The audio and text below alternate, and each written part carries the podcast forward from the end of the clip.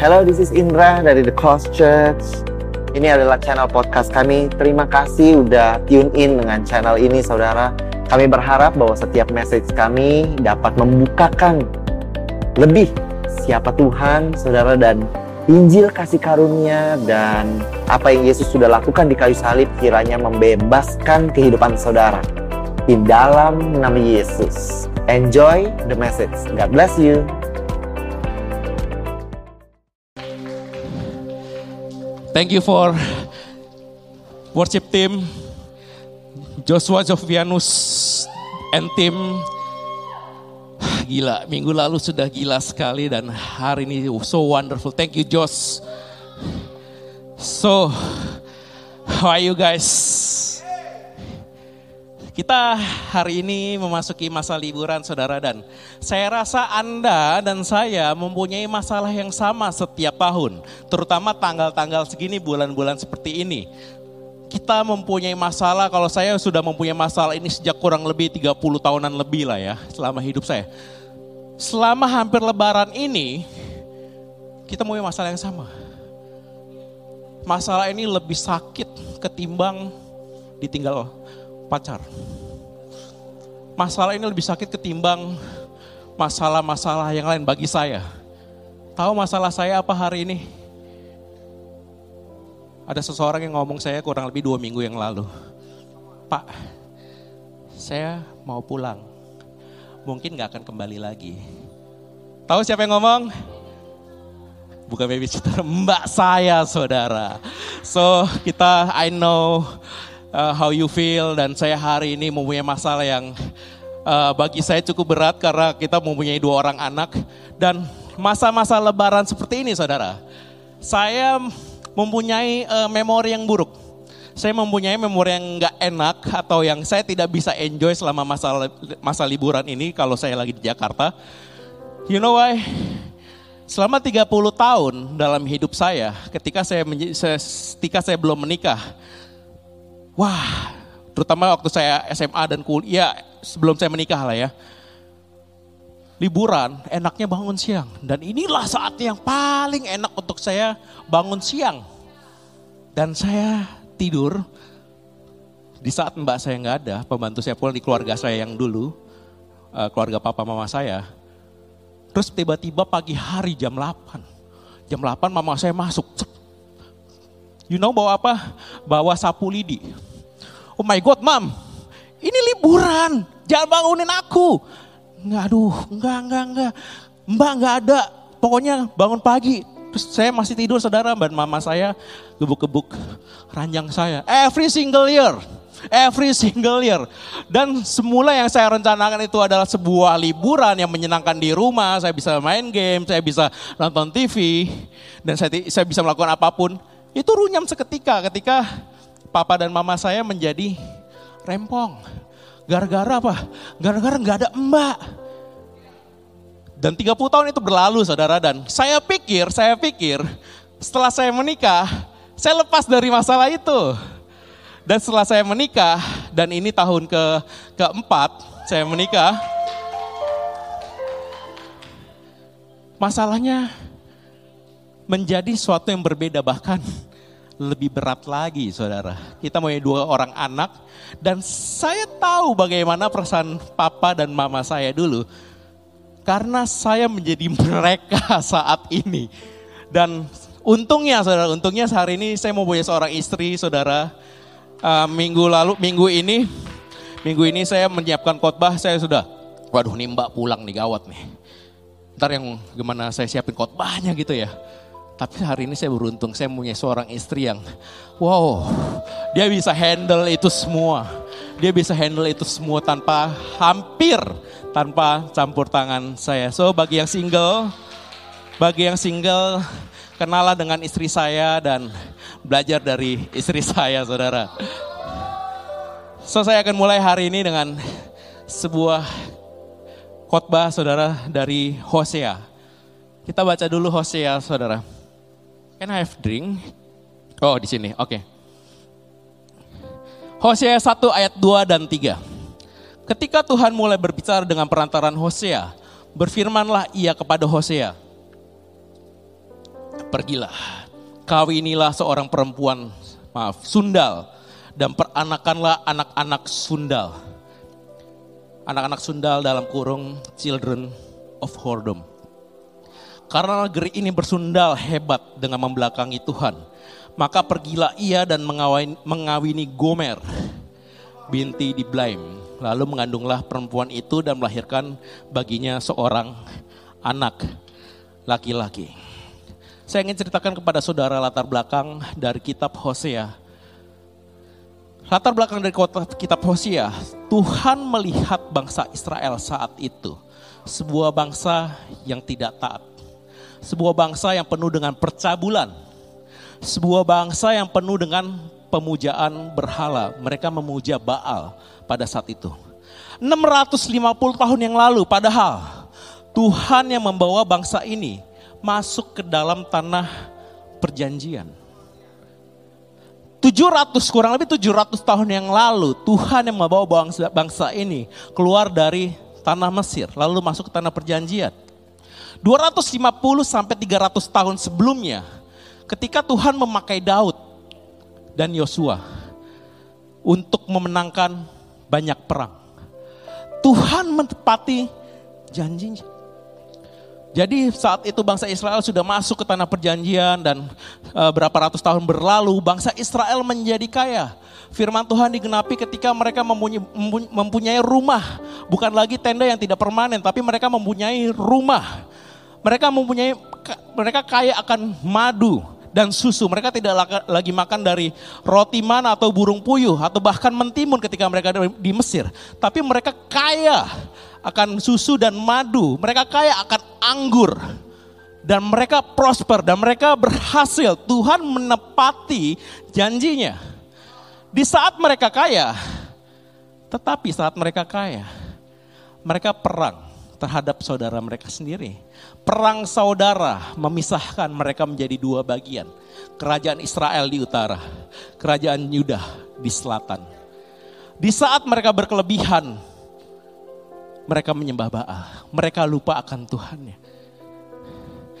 Bangsa Israel dari seorang anak, anak Tuhan menjadi anak sebelumnya. Teks sebelumnya, slide sebelumnya. Mereka menjadi anak, children of whoredom mereka jadi anak persundalan. Mereka ketimbang mereka memilih Allah yang memisahkan, yang menyelamatkan mereka. Mereka memilih menjadi anak dari persundalan, dari percabulan. Bangsa Israel menjadi anak dari percabulan dan bangsa Israel membelakangi Tuhan. Bangsa Israel memilih untuk melepaskan statusnya sebagai anak terpisah dari bapaknya terpisah dari bapaknya. Israel become a fatherless by their choice. Israel menjadi seorang yang tidak mempunyai bapa dari pilihan mereka sendiri. Dan Tuhan berkata, berkata kepada Hosea, Go Hosea, pergilah Hosea, kau ini seorang sundal, pergi, jadikan seorang anak dari percabulan itu menjadi istrimu. Hosea adalah seorang nabi di Israel pada saat itu. Dia melayani di kerajaan Israel di utara. Hosea adalah seorang yang terhormat dan terpandang. Hosea mempunyai kedudukan. Hosea ber, mungkin berkata kepada Tuhan pada saat dia mendengar message ini kepada Tuhan. Excuse me Lord, I sendiri mungkin gak pernah ke red light district. I sendiri nggak pernah gitu. Sekarang you bukan hanya I pengen pergi, suruh I pergi untuk ke red light district. Tapi you suruh I untuk kawinin seorang dari mereka Tuhan. Hello Lord.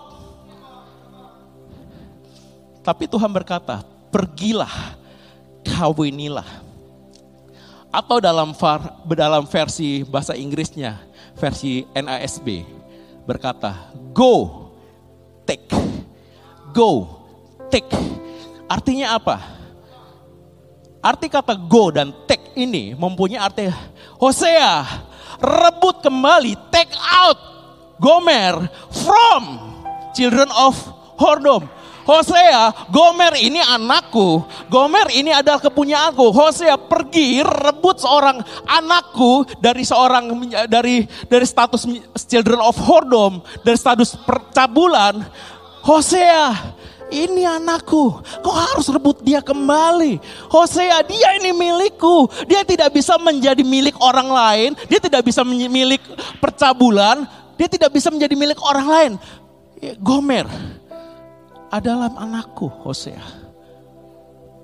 Who is Gomer? Gomer adalah simbol atau gambaran dari Israel dan kita. Gomer adalah simbol, gambaran dari Anda dan saya. Dan inilah surat dan isi hati seorang bapak yang kehilangan anaknya, yang kehilangan Gomer. Tertulis di Hosea 11. Next. Next. Padahal, eh, mu, no, no, no, bukan ini. Bukan.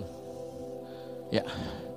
Ketika Israel masih muda, ku kasihi dia.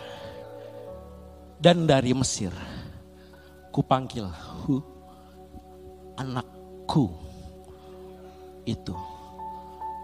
Gomer dan Anda adalah anak Tuhan.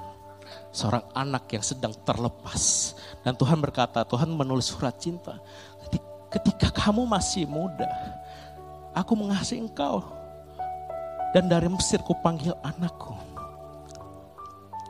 Ketika Israel mulai berkembang menjadi suatu bangsa yang besar di Mesir. Mereka melupakan Tuhan. Mereka melupakan janji Tuhan. Dan Israel mereka mengerang. Dan Tuhan mendengar. Tuhan tahu, Tuhan tahu erangan Israel. Tuhan tahu mereka lemah di bangsa Mesir. Tuhan tahu mereka tak berdaya pada saat mereka ada di Mesir. Tuhan tahu bahwa bangsa Mesir memperbudak mereka dan mereka dan mempermalukan mereka semena-mena. Bangsa Israel saat itu menjadi seorang anak budak. A children of slavery. Dari seorang anak bapa. Perbudakan mengambil anak ini. Dan anak ini lari dari bapaknya dan menjadi a children of slavery maka Tuhan melakukan sesuatu. Maka Tuhan melakukan sesuatu. Disebutkan di ayat 11 tadi, eh, di, di ayat 1 tadi bahwa Tuhan Tuhan mendengar mereka dari tanah Mesir. Dari Mesir kupanggil anakku.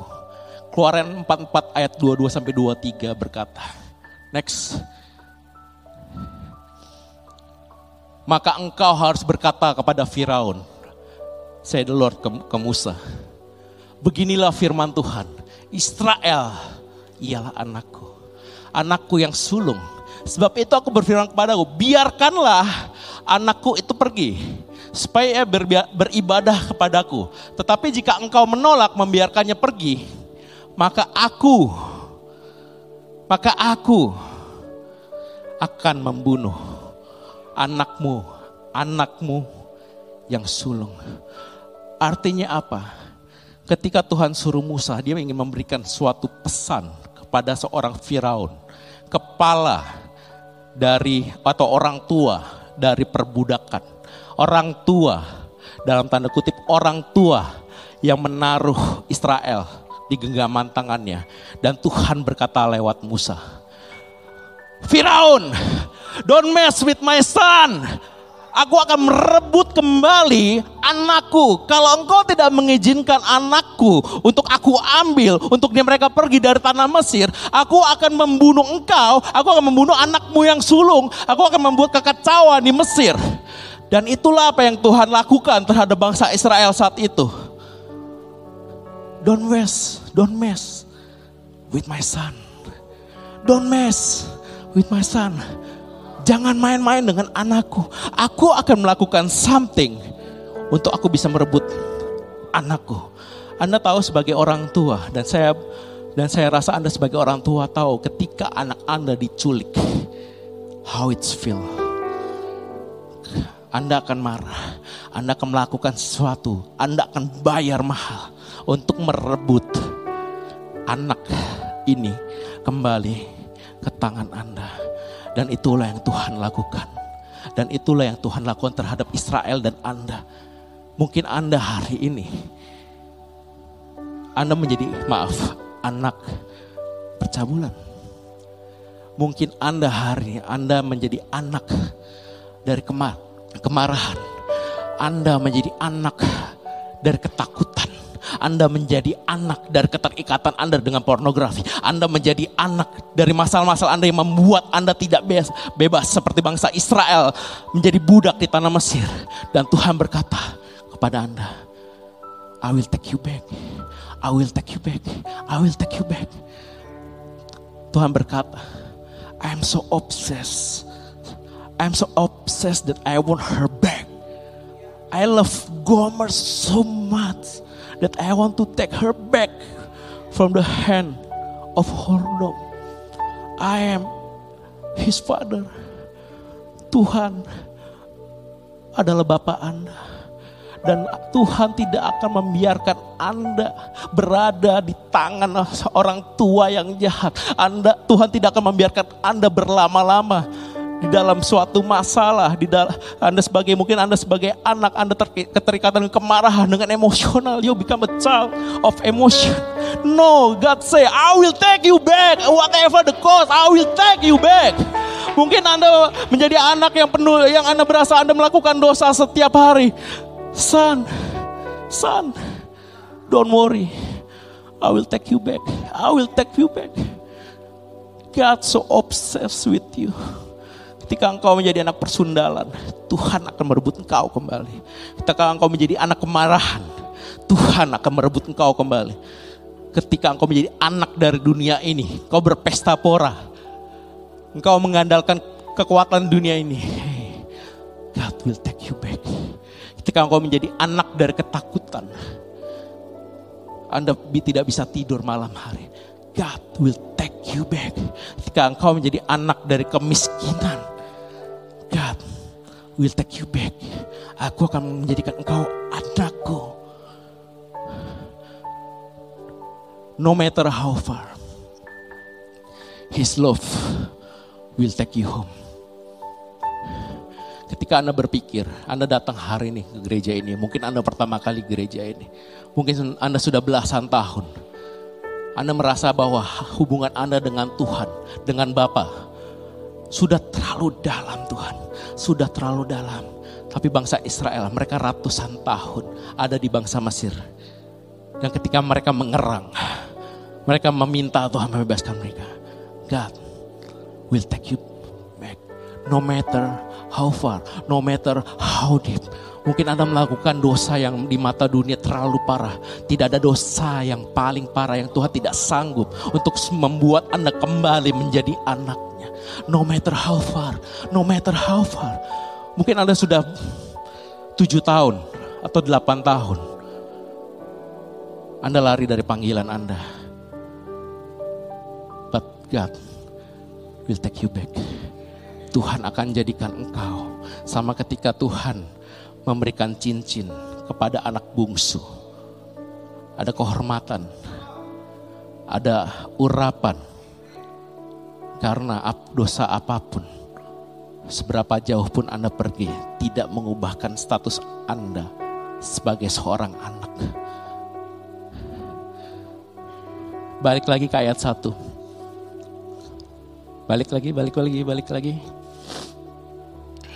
Karena negeri saya bacakan aja.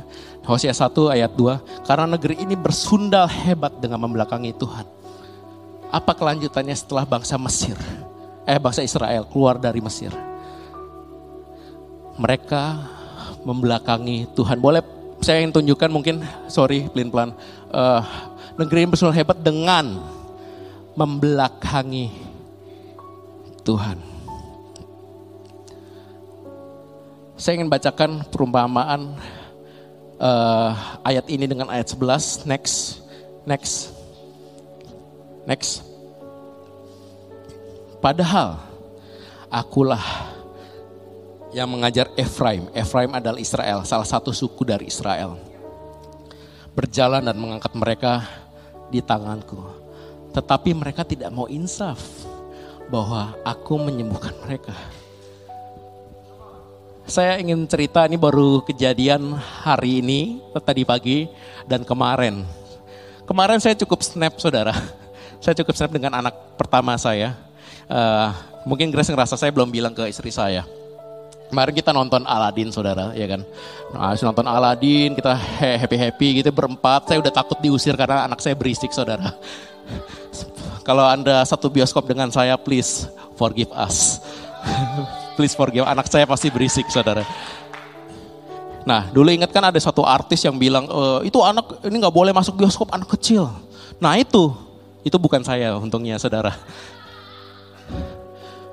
Saya sangat dekat dengan anak saya yang pertama ketimbang anak saya yang kedua, saudara. Mungkin anak kedua lebih dekat ke istri saya.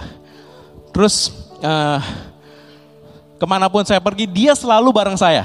Selalu bareng saya. Antara dia minta gendong atau saya pasti dekat tangannya. Selalu.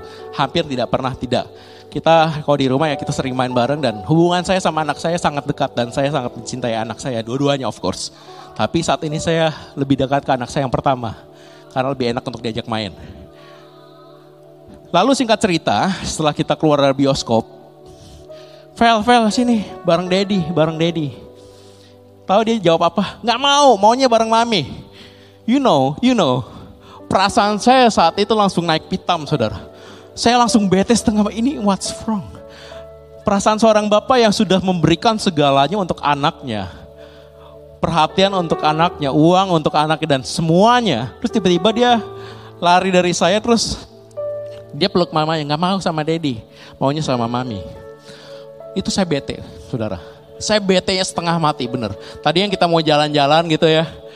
Ya ini saya minta maaf juga istri saya, saya belum sempat minta maaf juga gitu ya. Saya langsung mau pulang dari mall SMS.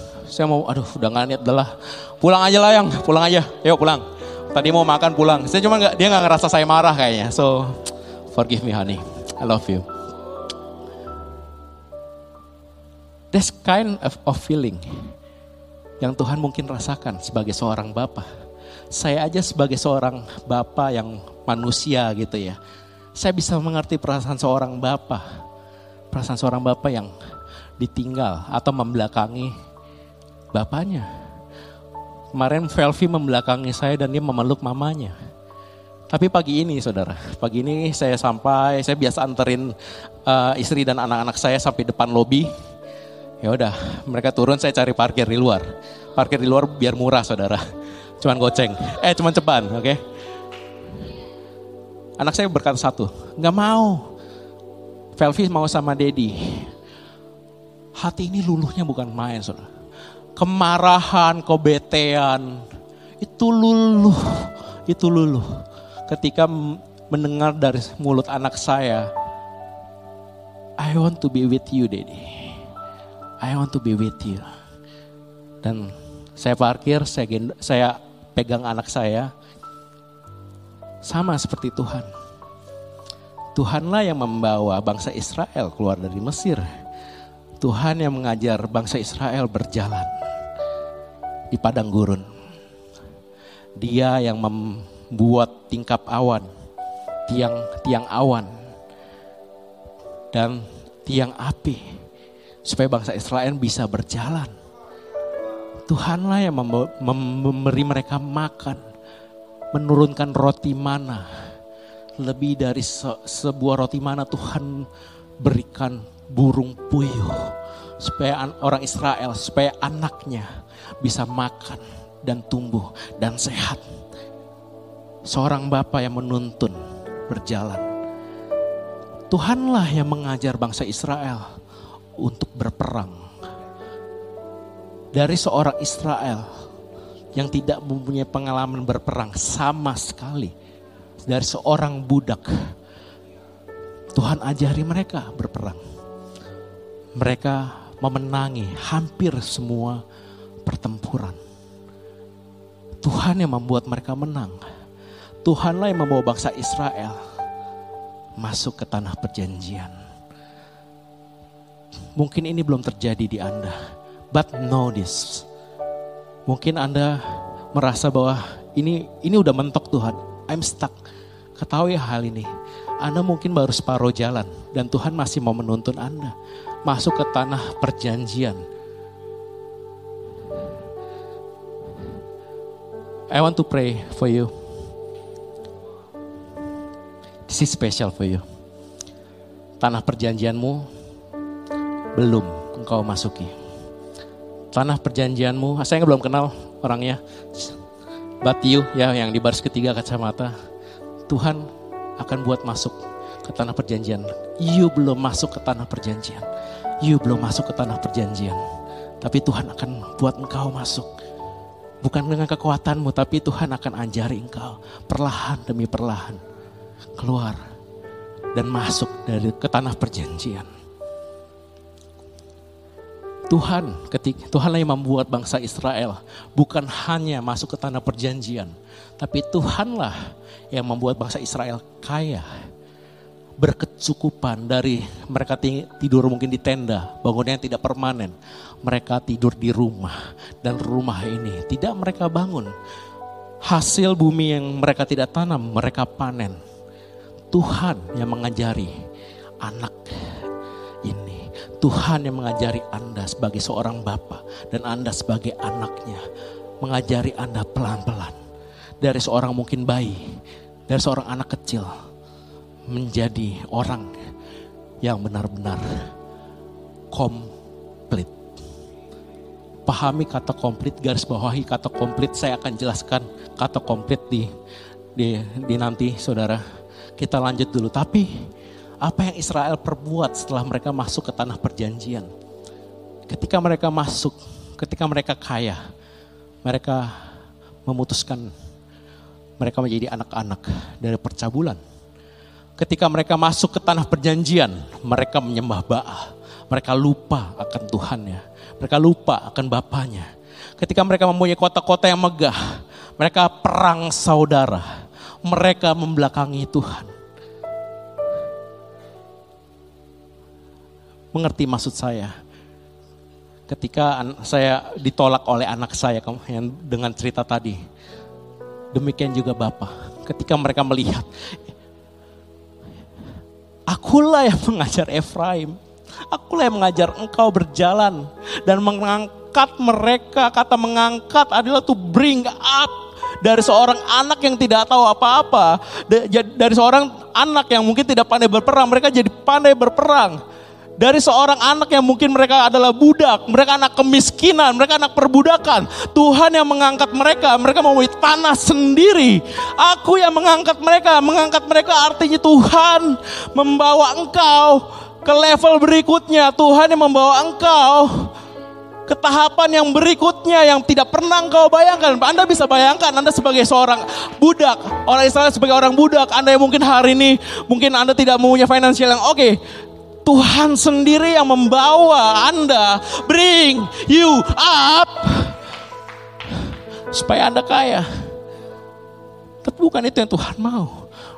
Bagi saya untuk Velvi, saya tidak saya tidak mungkin saya ingin dia kaya, tapi suatu saat saya ingin dia kaya. Tapi bagi saya, mungkin 30 50 tahun dari sekarang saya pengen dikunjungi, saya ingin hubungan saya erat.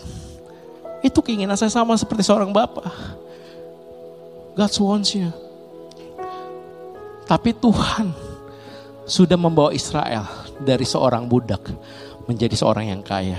Dari orang yang tidak mempunyai tanah menjadi mempunyai tanah. Dari orang yang tidak mempunyai rumah, mereka mempunyai rumah. Sama seperti Tuhan kepada hidup Anda. Tuhan akan membawa engkau. Dari orang yang mungkin punya masalah finansial. Dari masalah marriage.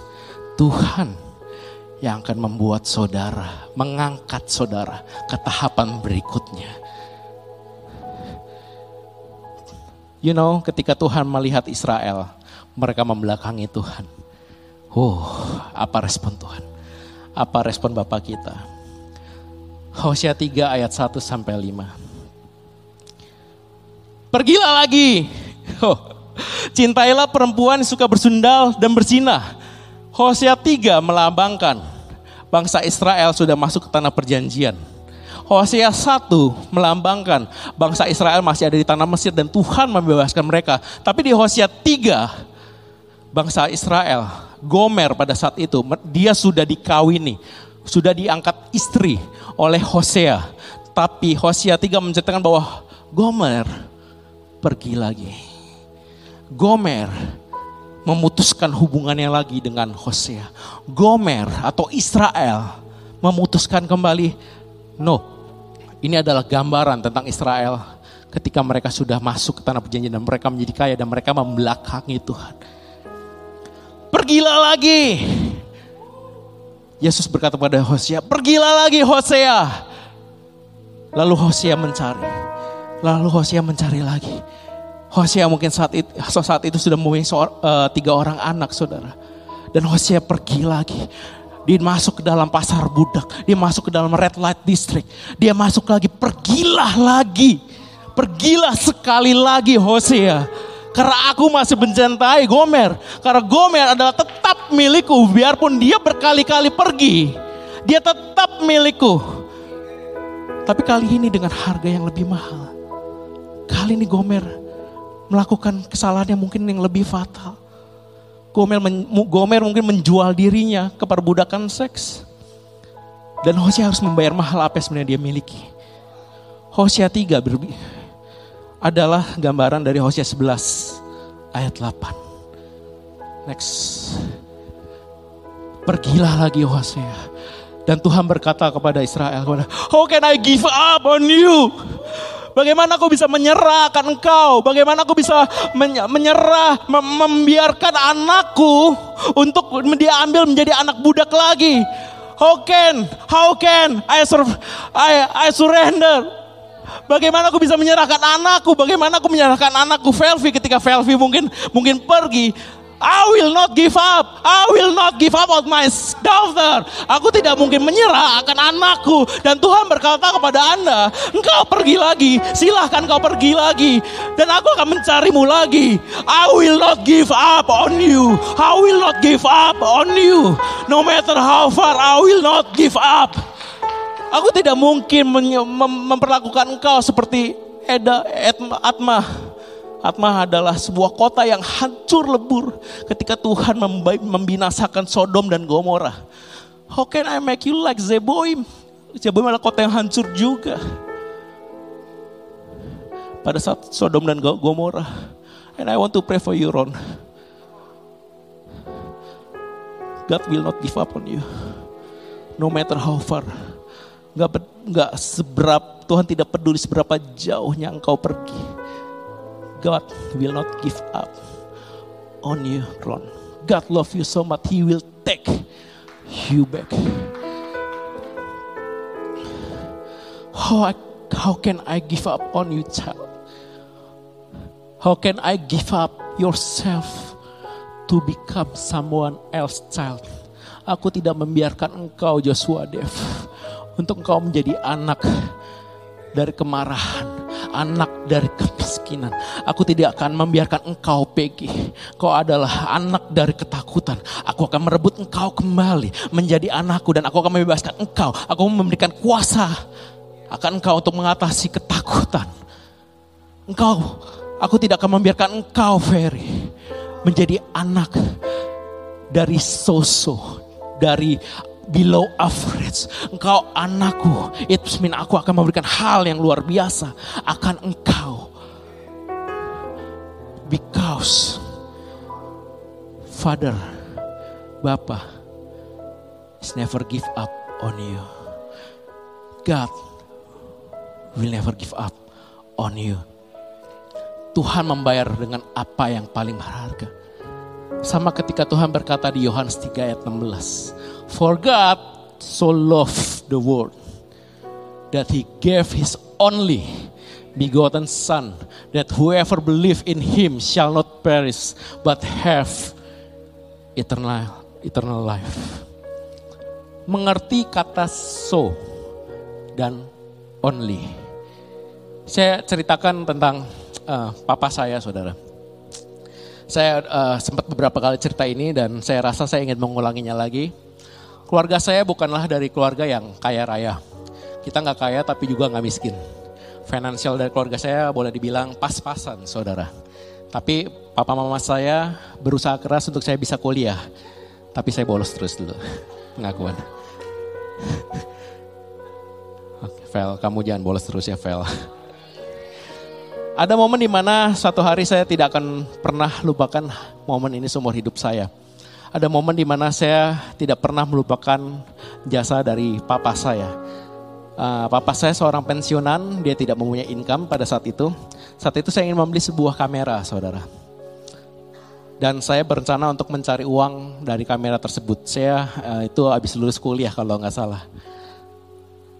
Saat itu uang saya nggak nggak cukup untuk beli. Saya ingat benar kalau nggak salah harga sekitar 7 atau 8 juta kalau nggak salah dan tabungan saya kurang, lumayan jauh.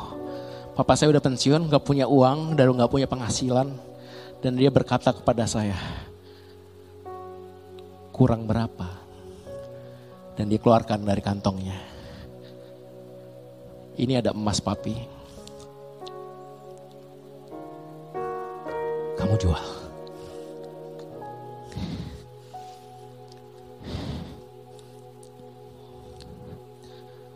Dan Tuhan berkata kepada Anda, kau pergi lagi. Dan Hosea datang kepada kepala budak, berapa harga anak saya? Ini, take it. Aku mau dia menjadi anakku lagi. Dan bapak saya saat itu, uh, hal itu mengubahkan hidup saya saudara. Dari kamera yang saya beli, saya berhasil uh, membuat jasa fotografi saat itu.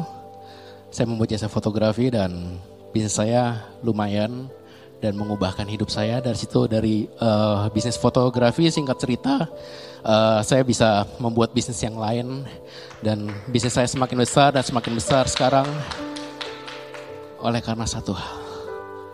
Berapa nak harganya? Berapa nak harganya? I will cover. I will cover it. Hey Dad, you are on YouTube. I love you so much.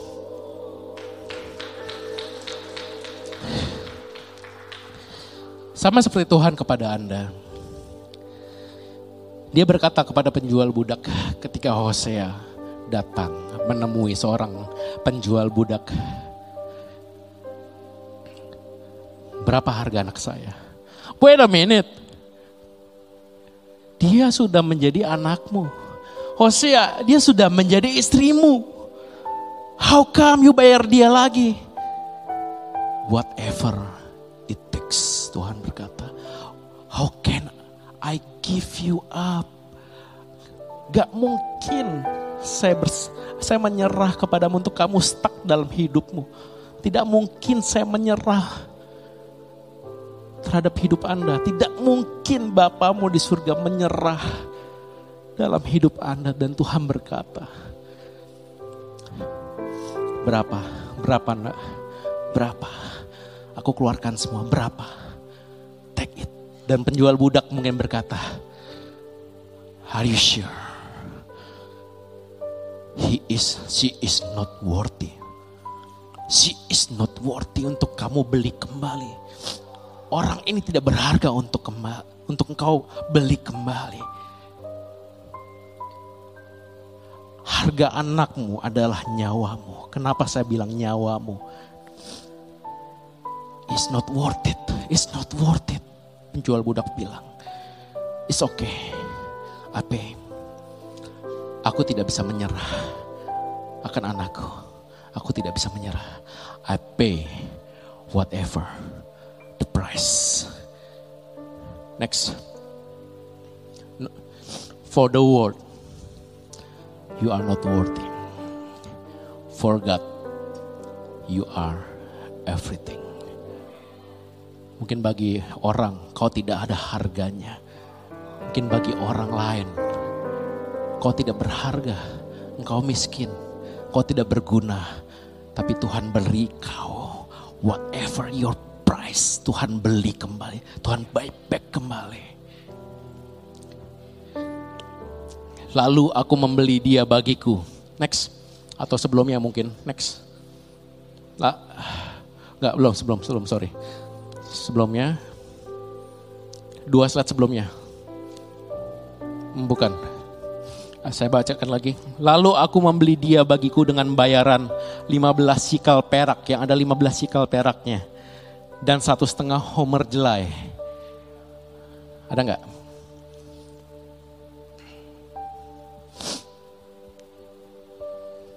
Ada atau saya salah saya nggak ada slide-nya. Jadi ketika tuh Hosea mencari lagi, Tuhan berfirman lagi pada Hosea. Lalu aku membeli dia bagiku dengan bayaran 15 sikal perak dan satu setengah homer jelai. Apa maksud 15 sikal perak? Di sinilah gambaran. Ketahuilah saudara, bahwa setiap kitab dari kitab kejadian sampai wahyu selalu ada nubuatan tentang Yesus. Selalu ada gambaran tentang Yesus dan inilah adalah gambaran tentang Yesus. 15 sikal perak adalah berbicara dengan tentang simbol redemption. Siapa yang memberikan dirinya sebagai redemption? Is Jesus. Satu setengah homer jelai Artinya itu tidak ada harganya. Satu setengah homer jelai itu adalah harga yang sangat murah. Sedangkan 15 sikal perak adalah harga yang melambangkan nyawa Yesus. Kedua hal ini sangat kontras. Yang satu sangat tinggi, yang satu sangat rendah. Tapi satu setengah homer jelai. Ketika zaman dahulu seorang budak dihargai satu setengah homer jelai. Artinya ketika Anda ke pasar budak, berapa orang ini? Satu setengah homer jelai. Oh artinya orang ini tidak ada harganya. Gomer pada saat itu tidak mempunyai harga. Tapi penjual budak berkata, kalau engkau mau beli dia, dia tidak berharga. Karena dia aku jual satu setengah homer jelai. Tapi kalau engkau mau beli, kau harus bayar dengan 15 sikal perak. Artinya dengan nyawamu. For God, for the world, you are not worthy. For God, you are everything. Gomer bagi kepala budak dan dunia, dia tidak berharga. Dia berdosa berkali-kali, berkali-kali, berkali-kali. That's you and me. That's you and me. But, tapi Tuhan berkata, you are my everything. Look, I'm gonna search, I'm gonna look, I'm gonna pay. Whatever the price, I, I pay, said the Lord. I pay with blood of mine. Hosea membayar Gomer pada saat itu. Dan tahu kenapa Tuhan memilih nama Hosea dan Gomer. Hosea means salvation. Keselamatan. Gomer means yang tadi saya bilang completion. Complete.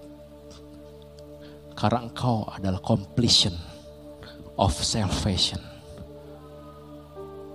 You are complete because your Hosea, your Jesus, your salvation yang membuat engkau komplit bukanlah ketika engkau menjadi seorang anak dari hordom, bukan dari anak kemarahan, bukan dari anak budak, bukan dari anak emosional, bukan dari anak kemiskinan, tapi engkau komplit ketika kau melihat engkau ada Bapa yang selalu mengejarmu sampai ke ujung dunia.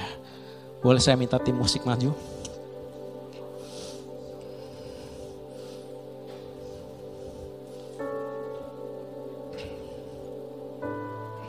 Hosea 3 ayat 5. Saya tutup dengan ini saudara. Aku berkata kepadanya, Lama engkau harus diam padaku dengan tidak bersundal dan dengan tidak menjadi kepunyaan seorang laki-laki. Juga aku ini tidak akan bersetubuh dengan engkau. Next. Sebab lama orang Israel akan diam dengan tidak ada raja, tiada pemimpin, tiada korban, tiada tugu berhala, dan tiada efod dan terafim. Sesudah itu orang Israel akan berbalik dan akan mencari Tuhan Allah mereka. Dan Daud, raja mereka. Let me explain this. Ayat sebelumnya, lama engkau harus diam kepadaku dengan tidak bersundal dan tidak menjadi kepunyaan seorang laki-laki. Cerita Hosea ini, satu kitab ini adalah gambaran tentang kasih karunia Yesus. Tapi pada saat itu, Yesus belum dinyatakan, Yesus belum muncul. hanya hanya ada gambaran, hanya ada nubuatan bahwa Yesus suatu hari nanti dia akan dinyatakan. Israel harus diam bersama Tuhan. Tetapi mempelai laki-laki yaitu Yesus belum muncul. Belum muncul saat itu. Dan tidak ada raja dan tidak ada pemimpin saat itu. Dan oleh sebab itu dari Hosea sampai dengan Maleaki orang Israel tidak mempunyai raja pada saat itu. Kerajaan Israel tidak mempunyai raja. Tapi di saat yang sama Tuhan mendekap mereka. Supaya tidak bersundal lagi. Lalu mengapa Daud? Next. Lalu mengapa Daud? Ada dua hal kenapa Tuhan bawa nama Daud. Sudah sesudah itu orang Israel akan berbalik dan akan mencari Tuhan Allah mereka dan Daud raja mereka. Orang Israel tidak menyembah orang mati. Orang Israel tidak menyembah leluhur mereka. Mereka hanya menyembah Tuhan. Tapi mengapa ini mencari Daud? Seakan-akan mereka mau menyembah Daud lagi. Seakan-akan Daud akan bangkit suatu hari nanti. Daud adalah sebuah simbol di sini. Arti sesungguhnya dari nama Daud atau David adalah beloved. Adalah beloved. Dan siapa beloved? Matius 3 ayat 17.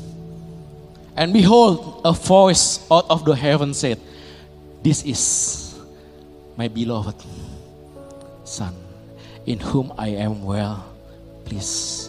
Itu alasan pertama kenapa nama Daud ditulis. Yang kedua, Yesus adalah keturunan dari Daud. Di hari-hari terakhir, means uh, back di hari-hari terakhir, pada hari-hari yang terakhir. Artinya apa? Di mana Yesus yang juga Daud, simbol Daud di sini, disalibkan. Di mana Yesus membayar Anda lunas dengan darahnya. Di situlah orang Israel akan berbalik. Di situlah Anda akan berbalik. How good is our daddy. How good is our father. Bapakku gak menyerah akan aku. Bapakku gak akan menyerah akan kau. Seberapapun dalamnya, itu yang akan membuatmu sadar. Itu yang akan membuatmu sadar. Because his goodness change you. You will tremble at his kindness.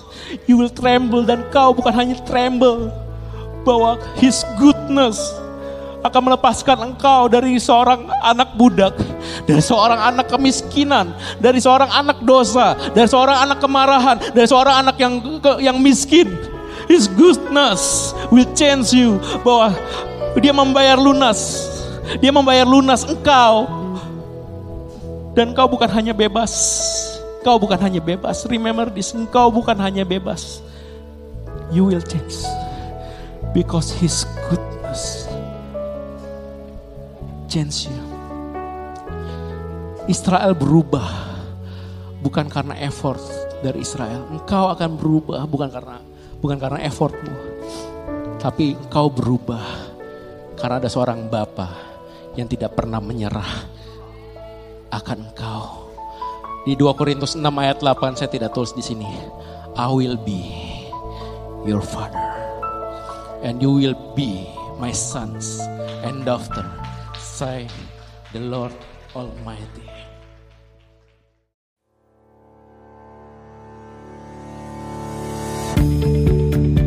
Terima kasih lagi sudah mendengarkan episode ini saudara dari podcast ini. Thank you so much saudara. Saya berharap bahwa Injil kasih karunia dan apa yang Yesus sudah lakukan bisa membebaskan kehidupanmu saudara. Kalau saudara diberkati, saya mengundang saudara untuk share saudara um, sermon ini baik secara pribadi pada your friends and your family saudara atau you can screenshot dan kau bisa bagikan kepada sosial media saudara dan jadilah terang saudara I hope um, message ini melalui saudara bisa memberkati lebih banyak orang lagi dan kalau saudara diberkati saya mengundang saudara untuk subscribe kepada channel podcast ini again I want to thank you berterima kasih kalau saudara mendengarkan dan mengizinkan dirimu diberkati dari apa yang kami lakukan. Terima kasih, Tuhan berkati. God bless you and bless you and bless you again. In Jesus' name. Amen.